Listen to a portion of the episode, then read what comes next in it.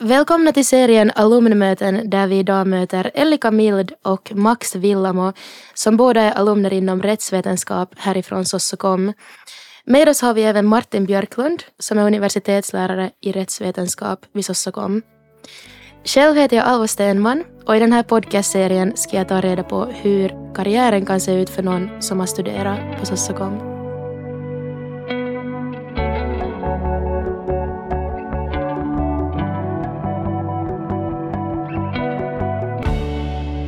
Varför valde ni att bli rättsvetare? Om vi börjar med Ellika. No, det var egentligen av misstag. Jag sökte till Sossokom för att jag ville studera socialpsykologi och så märkte jag att det var inte alls min grej. Och så tog jag nu en introduktionskurs i rättsvetenskap och insåg att det var inte så skrämmande som alla säger. Alla tycker att lag är jättekomplicerat. Men att det var mycket tydligare än vad jag hade trott så att jag blev sen helt fast i det. Okej. Okay. Max då? No, jag valde Sossokom för att jag, jag vet inte, jag ville, jag ville inte få till Hanke. och rättsvetenskap valde jag sen på för att Henrik Hägglund var en så bra föreläsare mm. i helt första interkursen KSV 101 så tror att det var därifrån det började. Jag visste inte riktigt vad jag ville studera men Henrik tog mig sen till rättsvetenskap. Vilket år var det alltså som du utexaminerades härifrån Sossokom? Uh, 22. 2022? Ja. Vad har du gjort sedan dess och vad har du för så praktisk erfarenhet av rättsvetenskap? Uh, no, jag sökte sen jag blev färdig, alltså från utexaminerad från så, så kom då vintern 22 och så sökte jag till, jag sökte till Åbo till den här linjen i mänskliga rättigheter och internationell rätt och sen sökte jag till Helsingfors universitet, uh, den här Global Governance Law magisterprogrammet. Och jag slapp in sen till, till det här Global Governance Law som då på svenska heter magisterprogrammet i den globala mm. styrelsens rättsliga frågor. Eh, så dit slapp jag sen och där har jag studerat och börjar nu på mitt andra år. Jag skulle kunna inflika att det finns alltså inte något eh, magisterprogram i rättsvetenskap på Sossakom utan ni studerar båda nu. Um, ja, du Max studerar på Helsingfors universitet och Elika, var det så att du går på Åbo Akademi Ja, jag går på den internationella linjen där, mänskliga rättigheter och internationell lag, som Max nämnde. Mm. Vad har du gjort på sidan av studierna här på Sossokom och efter att du utexaminerades? No, vid sidan om studierna så på andra, årets, andra studieårets sommar så började jag min första praktik på Migrationsverket. Så det var den första, det första jobbet inom, det, inom rättsvetenskap. Och sen har jag efter det, när jag blev färdig, så får jag till inrikesministeriets migrationsavdelning, den rättsliga enheten. Och därifrån sen så tog jag ett mellanår och åkte till Bryssel på en tredje praktik för Kommunförbundets Brysselkontor. Ja. Och efter det så har jag återvänt till Migri. Okej. Okay. Är det vanligt att man har så här många praktikperioder under kandiskedet? Eh, jag skulle nog kanske inte säga att det är jättevanligt, men jag själv tycker att det har varit en bra lösning för att jag har kunnat testa på så många olika, olika jobb och olika organisationer, så det ger en bred insikt på att vad det är riktigt man kan jobba med i framtiden. Mm. Max, du har också jobbat på Migrationsverket, visst? Ja, jag, jag började där för ett och ett halvt år sedan. Och ungefär när, skol, när jag blev färdig från skolan så, så fick jag jobb där. Ni ska få berätta ännu lite mer om vad ni gör i, era, ert jobb och uh, era studier och så vidare. Men uh, först så skulle jag kunna uh, fråga Martin att nu när du lyssnar lite på Max och Ellika och de berättar lite vad de har, vad de har gjort för praktik och, och vad de har jobbat med så tycker du att det, det här reflekterar de arbetsmöjligheter som finns för någon som har studerat rättsvetenskap? Ja, nu gör det det, men det är kanske så att, att både Elika och Max har lyckats särskilt bra och de har också så att säga hittat, hittat flera nyttiga användningsområden för, för det de gör. Så att det, det är liksom roligt att höra och, och just att, att våga pröva på många saker. Jag tror att ni inte har satsat på att bli färdiga så snabbt som möjligt och, och, och, och liksom stressa med att bli god skattebetalare genast utan, utan satsa på att gå ditåt där, där ni hittar sånt som är intressant. Och det är ju lite svårt att göra nu när, när man måste liksom betala för det själv. Eh, men, men det är ju det som man, man hoppas att folk ska kunna göra, att de hittar sånt som är intressant och kan, kan göra det. Mm. Vad skulle du säga, vad blir man när man studerar rättsvetenskap? No, vi har ju två svar på det här. Ja. Eh, Det vill säga att, att det som ju folk ofta har som en sån där tanke att vad är det för mening att läsa rättsvetenskap på Sossokom till exempel, och man blir ju ändå inte jurist. Att, att folk tänker i sådana liksom professionsklyschor.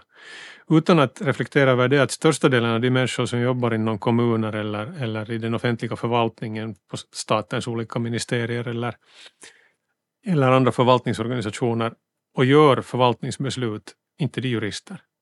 Det finns Mm. kommuner där det knappt finns en jurist och ändå görs det en massa beslut. Och då är det viktigt att de människor som gör de här besluten så, så vet vad de sysslar med. Det vill säga att, att när någon bestämmer om huruvida du ska få studiestöd eller, eller få ett byggnadstillstånd eller om någon beslutar sig för att omhänderta mina barn så nu skulle det vara bra om den människan vet vad lagen säger om hur det här ska göras. Och, och det, där, det, det är liksom det som är tanken också då bakom det att man alltid här på Sossokom har undervisat i rättsvetenskap för att de olika typen av karriärer som folk åtminstone i något skede av, av sin, sin yrkesbana hamnar på så, så har man nytta av det här. Mm. Jag hade någon slags eh, feluppfattning, framkom det här tidigare, om att rättsvetenskap skulle ha varit ett nytt eh, ämne här på Sossokom, men du förklarade innan vi, innan vi satt på den här inbandningen att så är inte fallet, utan det har funnits alltså i många år redan på Sossokom. Ja, vi får ju snart en, en historik som där också då, min företrädare Henrik Hägglund som har varit lärare i rättsvetenskap i, i, i många decennier här antagligen redogör för exakt när det börjar men, men det går liksom tillbaka till historiens mörker. Att under all den tid som vi har haft ett kom som ens liknar det som vi har nu så har det funnits någon form av undervisning i rättsvetenskap just på grund av det att, att man visste att en stor del av, av de som blir färdiga härifrån kommer i något skede att jobba inom offentlig förvaltning och, och då förutsätts det alltså direkt i, i, i Valvira förutsätter våra socialarbetare att de har ett minimimått av, av offentlig rätt i bagage. Därför för att de fattar så, så pass stora beslut för sina klienter. Mm. Som nu till exempel det här med omhändertagande av barn, det är kanske något av det mest traumatiska folk kan råka ut för och då är det ju noga med, med reglerna för hur det görs. Men också en massa andra mindre dramatiska saker som, Mm. som det där, folk gör. Eh, Det som man sen emellanåt kanske tänker att "Nå, det är bara om, om, om man vill bli tjänsteinnehavare någonstans och vem vill nu det? Folk tror på något sätt att det, det är liksom en mördande tråkig karriär. Eh, och det kan ju vara det också men det, det finns så stor spridning på det där. Men också de som fortsätter som forskare så, så till stor del om du sysslar med samhällsvetenskap så tittar du på samhälleliga fenomen. Och Mm. många av de här samhälleliga fenomenen är till en del uppbyggda eh, kring sådana strukturer som, som liksom består av juridik, av, av lagar, regler. Och då kan det vara ganska nyttigt för dig om du vill kritiskt särskåda de här som socialpsykolog eller sociolog eller statsvetare eller eh, om du forskar i, i socialpolitik att känna till exakt de regler som, som, de, som finns. Sen kan du konstatera att det inte funkar. Men, men det är svårt att, att vara trovärdig om du inte har en aning om egentligen hur de där reglerna, var du hittar dem, hur de Mm. tillämpas och, och så vidare. Max Elika, har ni någon kommentar till det här? Nej, Jag skulle säga att kanske det viktigaste som jag har fått från Sossokom är just det här att kunna hitta de här rättskällorna och läsa dem och kunna tolka dem för att sen kunna själv liksom bearbeta det i, nu främst i fortsatta studier.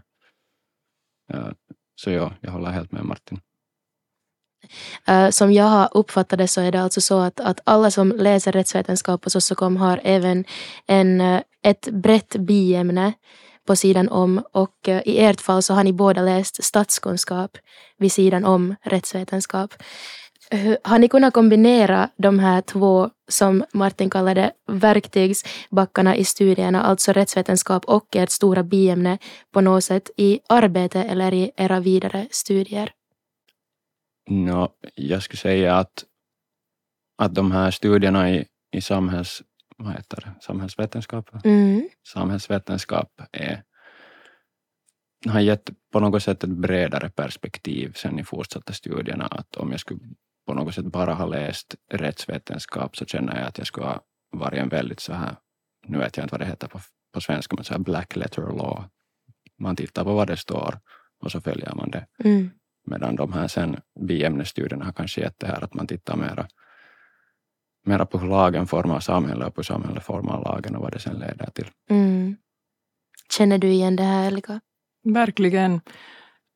Ett exempel är när jag var där i Bryssel och vi jobbade med EU-lag och där följde den här hela komplicerade processen så det att jag hade studerat statskunskap och gått igenom de här politiska processerna så var nog, det var till ett jättestort stöd att man inser att de där lagarna kommer nu inte bara från ingenstans utan det reflekterar vad den politiska viljan är i nuläget. Ja.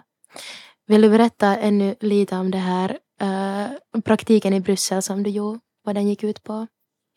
Ja, no, det gick ut på att jag jobbar för Kommunförbundet som alltså är intresseorganisation för kommuner och vi gjorde i princip ehm, um, no, lobbningsarbete, att vi, vi det där deltog i, i att forma de här lagarna och vi eh, uh, samarbetade mycket med den nationella nivån i Finland och sen också eh, med andra finska organisationer där i Bryssel.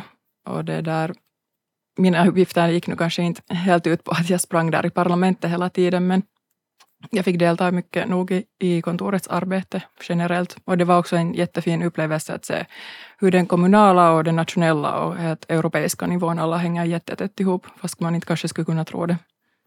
Är det någonting som du skulle kunna tänka dig att jobba med även i framtiden? Jo, no, EU, EU-lag är min, mitt stora intresse, så absolut. I, i någon form i alla fall. Mm.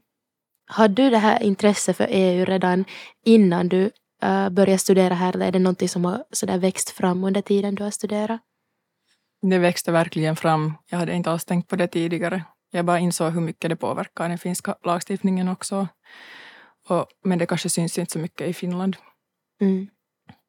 No, eftersom att det här är en alumnpodcast och uh, jag är specifikt intresserad av, av vad ni liksom jobbar med, för jag tror att det finns många som, som just funderar på det, särskilt när man, när man uh, studerar några av de här mer teoretiska ämnena på Sossokom. Um, ehm, så jag skulle ännu vilja höra lite om vad ni har för arbetsuppgifter nu i, ert, i era nuvarande jobb och uh, kanske någonting också om att vad som är det bästa med jobbet.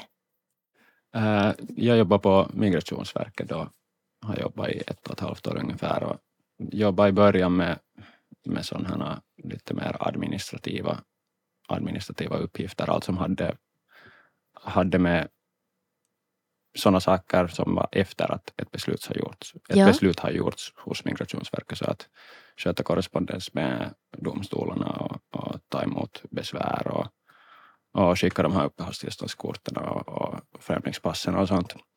Och efter det så har jag sen, sen flyttat vidare ungefär ett halvt år sen till mera här handlägg, en handläggande roll. Mm. Jag, jag sköter om, om, om olika uh, vad heter det, hakemuksen.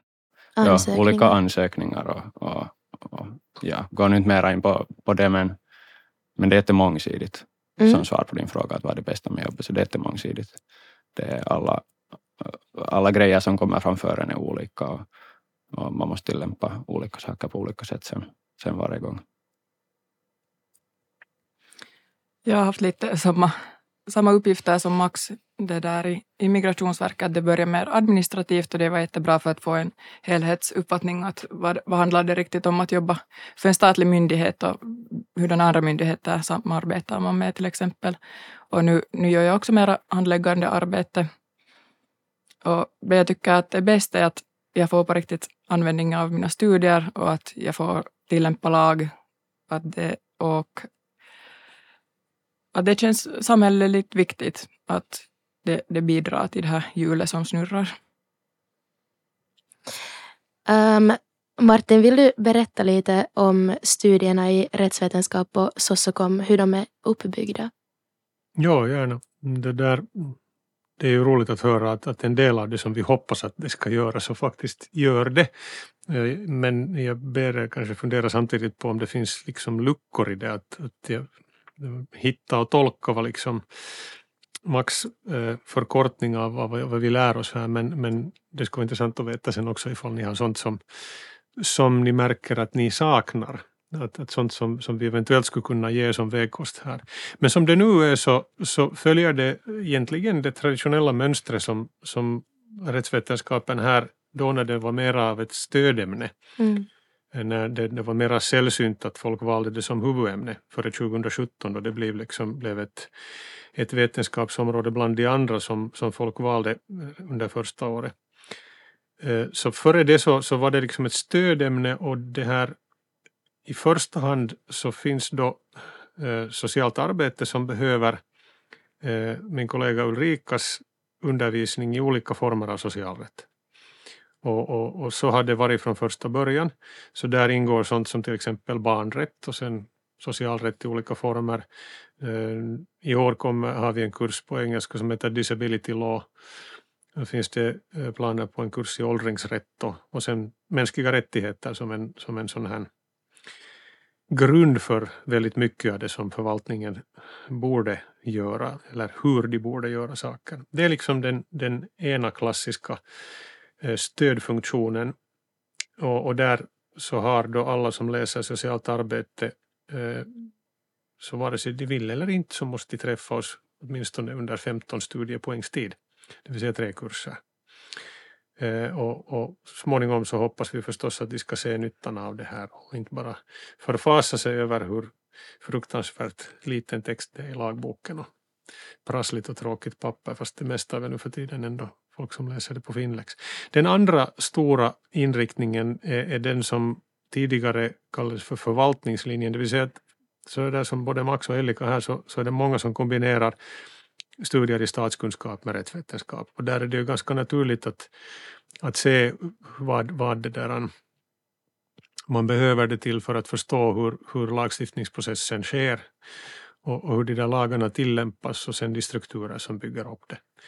Men jag har nog också fått frågan av folk som läser socialpsykologi och sådär att har jag nu gjort helt fel? Att, att, att jag vill också läsa rättsvetenskap, har jag någon nytta av det? Och då säger jag att det finns ute i världen finns det magisterprogram som, som kombinerar just de här två.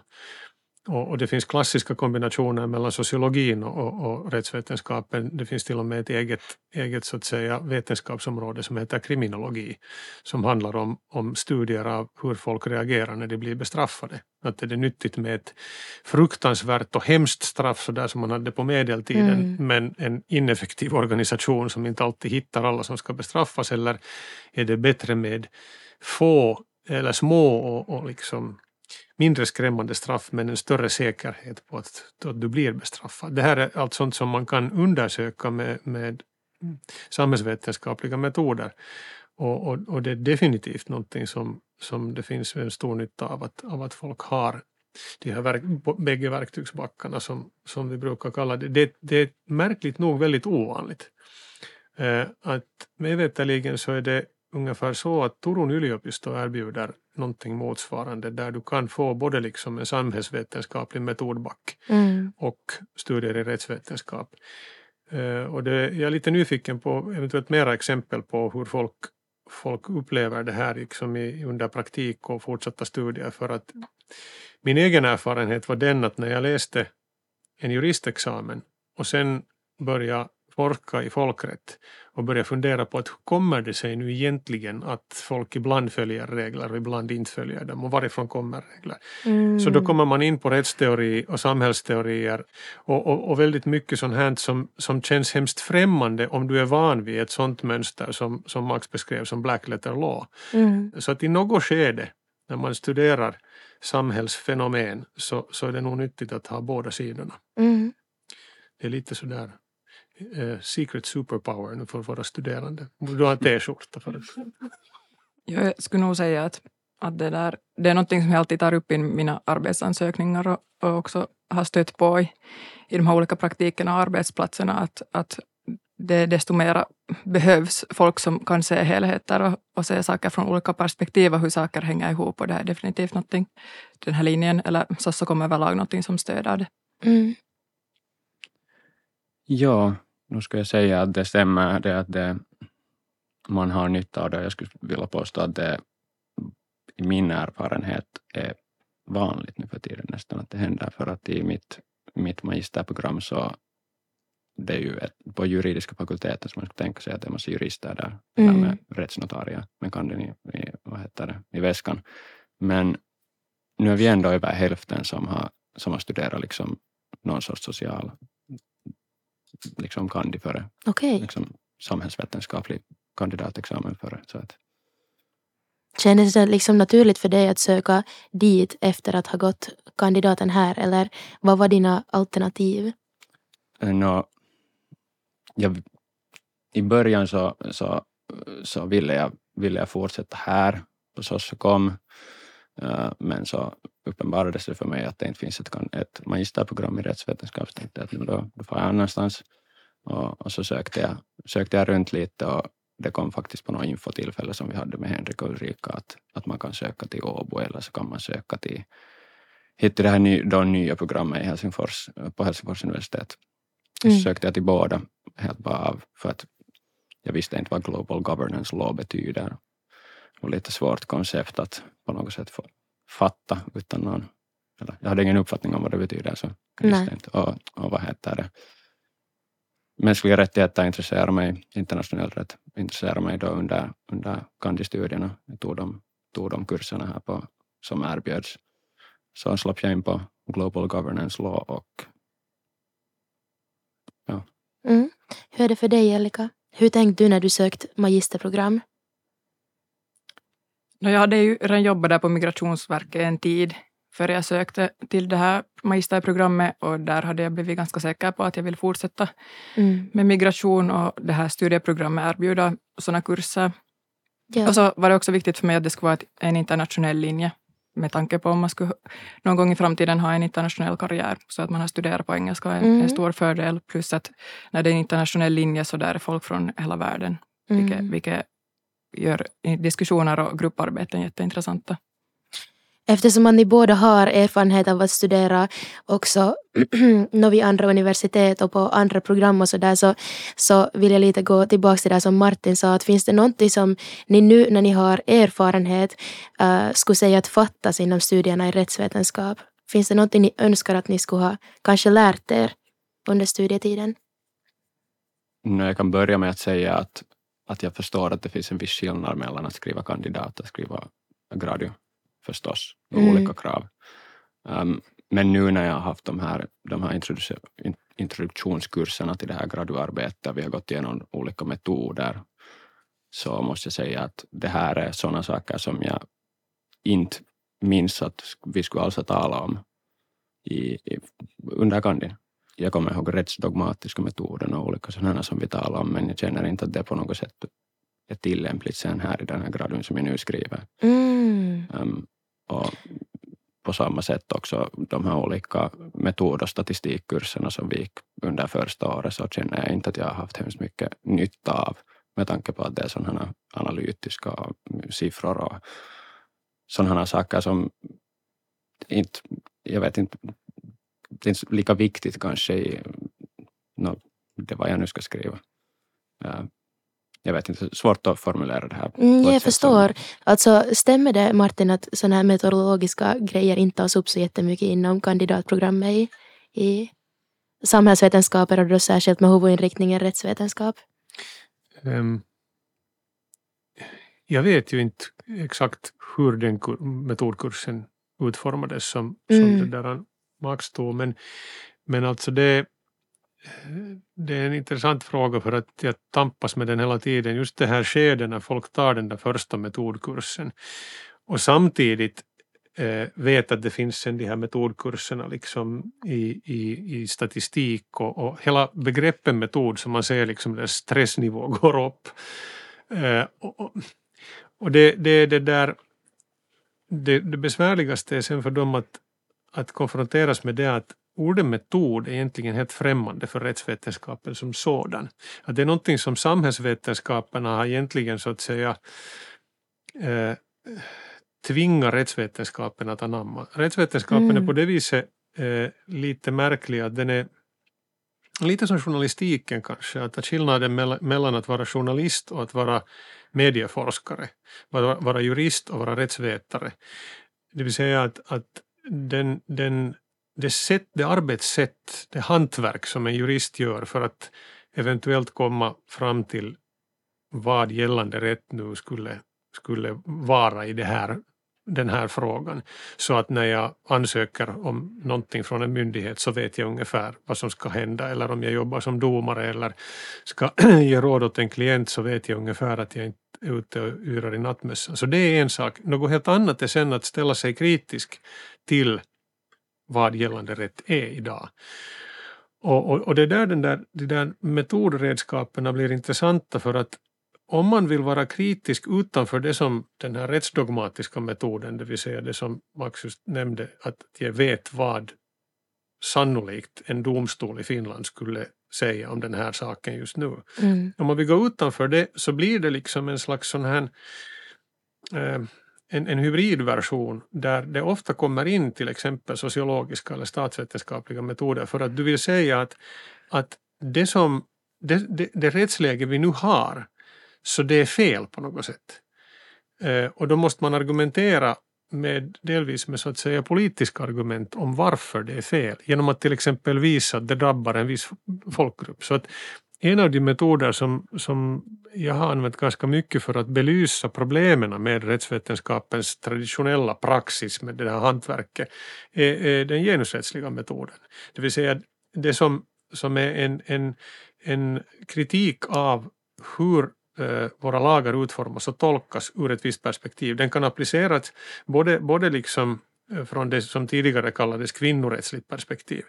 Men, men eh, som ni kanske har stött på så finns ju liksom den här intersektionella tanken där, där man kan lika väl se det ur en någon annan samhällsgrupps eh, synvinkel och att det är en viss typ av personer som formar de regler som man sen följer eller eventuellt har format dem för länge sedan. Typiskt Mm. för juridiken är att, att, att rätten är alltid släpa lite efter.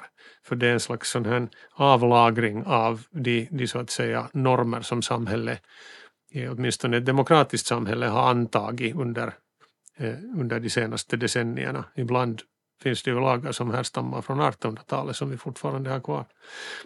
Så att då blir det på något sätt fruktbart att titta på dem från en annan synvinkel. Men det svåra är, är, är, är det att när jag undervisar det här Ja.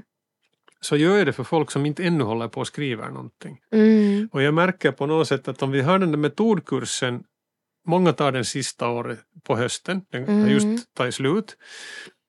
Och sen fortsätter det med prosemi. Och sen i kandidatskrivande där på vårvintern, eventuellt i början av våren, så då börjar de förstå, då börjar de ha de frågor som jag försöker besvara nu i, i, i det där oktober. Mm. Och, och, och det har varit lite svårt. Det är lite så där som om jag skulle försöka undervisa folk i att simma genom att berätta åt dem att man ska liksom gärna röra på höger hand och vänster fot simultant och de frågar varför kan jag inte vispa med höger hand och höger fot samtidigt för de har aldrig varit i vattnet. Mm. Eh, så att det, det, det, det är ett dilemma och, och samtidigt är det en intressant möjlighet för oss som, som jobbar med det här. Jag har efterlyst det att vi ska fundera på hur vi skulle kunna liksom tillsammans under, undervisa de här samhällsvetenskapliga metoderna så att de möts. För att till exempel komparativ rätt, det är att man jämför att hur gör man i Sverige och sen tittar på hur man gör i Finland. Eller hur gör man eventuellt i språkfrågor i Belgien eller Schweiz som har flera språk.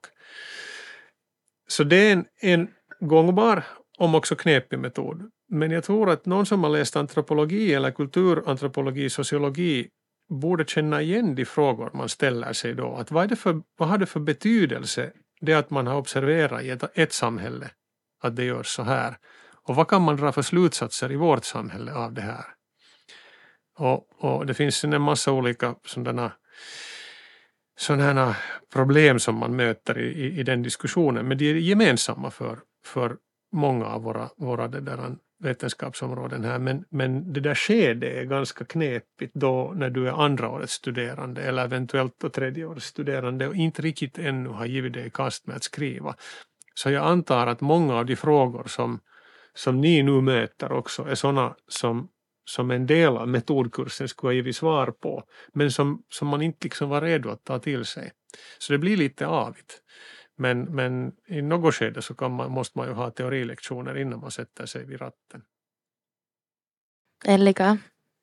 Jag skulle kommentera ännu på det här att jag minns att jag tog den första metodkursen andra årets höst och det var inte så många som tog den då men det stödde sen hela resten av studierna. Att det är nog, fast det kändes jättekonstigt att börja skriva, det kändes som jättekomplicerade vetenskapliga texter men att inte sen när man hade gjort liksom det svåra arbetet så hade man en bra grund för de resten av kurserna. Mm. Men eh, är det någonting som du kommer att tänka på när jag frågar det här med att, att finns det luckor i undervisningen och är det någonting som du har saknat i dina studier på Sossokom? No, någonting som det nog redan fanns men att som jag tycker att kanske skulle kunna finnas mer av eller att det är viktigt att det hålls är att, att det finns rättsfall och att man på riktigt liksom tillämpar lag mm. fast det är övningssyfte. Så det, det tycker jag har varit jätteviktigt i, i arbetet som man håller på med. Och sen är det det att det lär en också stödja det att man kan argumentera från olika håll och titta på saker från olika synvinklar, vilket sen stöder i allt annat man också gör i fortsatta studier. Mm. Max uh, gick lite in här redan på vad du tycker att du har lärt dig från studierna på Sossokom. Jag skulle vilja fråga Ellika också, att, att vad tycker du att liksom, vad är det viktigaste du tar med dig från dina studier på Sossokom? No, det viktigaste är nog sånt här rättsligt tänkande. Att när det var så, jag hade inte alls läst mig in på det före jag, före jag kom till Sossokom, så det har nog liksom satt sig i att det kommer lite automatiskt att fast man skulle ha haft en paus. Att just det här som jag nämnde tidigare, att titta på saker från olika perspektiv och hur man argumenterar och, och allmänt också helt att hur Finlands politiska system fungerar och lag, lagsystem så att säga. Att om man har det som grund så, så är det bra sen att gå vidare också till, till andra ämnen som internationellt eller på europeisk nivå. Ja. Max, vill du ännu utveckla ditt svar också? Eh, ja, no, jag kan svara ur, ur vad heter det, synvinkeln från mitt magisterprogram. Att de kurserna som där erbjuds så så är inte på samma sätt uppbyggda kanske som i, som i, i Sossakom. Uh, att man har många på varandra och vet du, det är hektiskt för att man har tänt vecka vet du, och så. Mm. Uh, utan det är en kurs som går i ungefär fem veckor och sen är det nästa kurs och den går i fem veckor. Och i slutet av kursen så skriver man ett arbete. Ibland är det uh, tio sidor, ibland är det 15 sidor, ibland är det inga krav, ibland ska man, vet du, olika saker. Men varje gång så, så, så ska du skriva om det här temat, kursens tema, men du får helt själv välja vilken synvinkel du tar. Någon kanske tar dataskydd, någon skriver om mänskliga rättigheter, någon skriver om migration. Jag har valt att skriva nästan alla mina om migration mm. eller om klimat. Så att fast kursen handlar om väldigt specifika saker inom på något sätt global förvaltning så, så får man helt själv välja den här synvinkeln och då kommer det jättemycket in det här att jag har haft det här samhällsvetenskap som biämne. Vad skulle ni ge för råd åt en rättsvetenskapsstuderande här på Sossokom som, som är på väg ut i arbetslivet nu? Jag tänker vi kan börja med Martin. Oj, jag tror att, det där Max och Elika är mera kompetenta på det här men, men det där jag har haft väldigt stort nöje och nytta av att få höra på folks praktikrapporter. Och, och samtidigt så kommer folk att är jätteoroliga alltid, att duger det här som en praktikplats? Så att det råd jag skulle ge åt folk är att, att eh, var inte oroliga, ni hittar någonting som är relevant i de här praktikplatserna. Jag har ännu aldrig behövt säga att nej, hörde, det där det där funkar inte. För ingen har nu kommit liksom direkt och, och erbjudit att de, de, de, ska koka kaffe på en kiosk. Liksom. Nej. Eh, utan, utan det är nog lite mer kvalificerat än så. Och sen har det visat sig att om man själv föreslår att jag skulle vilja göra sånt här eller skylla på mig och säga att jag har en sån här jättejobbig lärare som kräver att det är på något sätt juridiskt relevanta uppgifter, att kan det finnas någonting sånt, så får man sånt. Alltså ni, då när man söker praktikplats så är man ju liksom en tillgång som kan utnyttjas på hemskt många olika sätt och det finns alla möjliga olika typer av uppgifter och det är klart att den där arbetsgivaren är glad om, om man kan komma med egna förslag på någonting som, som man skulle kunna vara intresserad av för då vet de att man är mycket nyttigare. Och, och det är flera eh, det där studerande som man sen fortsatt med sommarjobb på de här samma ställena och, och, och kunna sen fortsätta vidare eh, och som har sen kunnat utnyttja också det de har lärt sig när de skriver till exempel kandidat eh, kandidatavhandlingen. Så det finns liksom mycket nytta av att, av att målmedvetet gå in för att jag vill göra något vettigt och säga det. Mm. man behöver inte vara särskilt orolig och kanske eh, förstå att, att, att man är en tillgång. Mm. Att man har något att erbjuda som, som egentligen är, är det där en ganska unikt och nyttigt. Nu har Max träffat flera andra sådana men jag tror att det kanske just det programmet samlar sådana människor som, som har sysslat med, med samhällsvetenskaper och, och det där, är intresserade av juridik. Så att det, det är på det viset en, en, en, det där, ett speciellt ställe. Men för arbetsgivare som ordnar praktik för finska studerande så, så är det, där, det, det här är inte en dålig kombination. Nej. Plus ändå ännu det om man dessutom kan funka på några språk, gärna de båda inhemska mm. och, och, kanske ett eller två till. Mm. Så då är man verkligt, verkligt användbar uh, och, och, det kan man bygga på. Absolut. No, så tips åt sådana som ännu studerar, någonting som det var lite tal om tidigare kanske, att när man till exempel väljer uh, vad man ska skriva en essä om, om man redan har märkt att man tycker att någonting är specifikt intressant att man då väljer liksom att försöka styra så mycket som är möjligt inom ramen för uppgiften. Att man skriver essän om det där ämnet. Det kan stödja sen i, när man söker till exempel arbeten, att det påvisar sånt här intresse. Att man faktiskt har, är lite insatt redan färdigt. Och sen ett tips är nog också att bara söka sådana arbetsplatser och praktikplatser som du tror att du aldrig skulle få. Att jag har alltid blivit jätteförvånad att jag har på riktigt fått någonting. Men att inte får du det i alla fall om du inte söker. Och sen att testa på olika saker som jag har gjort. Jag tycker att det är en jättestor styrka och det visar också det där en mångsidig erfarenhet till framtida arbetsgivare. Absolut. Max? Ja, mitt råd är, just det här som Martin sa, att, att lyfta fram den där svenskan. I alla fall om man söker någon, någon vad heter det, position i någon, någon vad heter det, hos någon myndighet eller något sånt. Här. Så det att du kan svenska är helt sjukt bra. För att en, ja, du kan bättre, oftast så kan du bättre svenska än vad de kan. Ja, du kan bättre finska än vad de kan svenska. Ja, har jag märkt i alla fall. Ja. Och, och skicka bara ansökningar gäller praktik och gäller, gäller jobb. Att jag kommer ihåg att jag fick min praktik bara genom att skicka mejl till massa olika sådana finlandssvenska förbund. För att jag hade inte fått någon när jag fyllde i de där ansökningarna via någon Donitorg och, och sådana. Att jag, jag skickade mejl till dem och sa att jag studerar si och så och jag är intresserad av si och så och jag har läst de kurserna och jag skulle behöva få gjort praktik. Att, vet du, vad har ni att erbjuda eller vill ni liksom använda mig till någonting där i er organisation? Och sen så fick jag nu några svar och så valde jag en av dem. Martin nickar. Ja, jag tror att det där, det där förde in på ett viktigt spår. Att det kan hända att folk har liksom en sån där ganska begränsad syn av både vad de själva kan, var de kan söka och hur man söker. Att det finns bara det här ena, att man fyller, fyller i en sån här öppen ansökan på någonting och sen om det inte nappar så det är säkert för att jag är så usel eller för att det inte finns några platser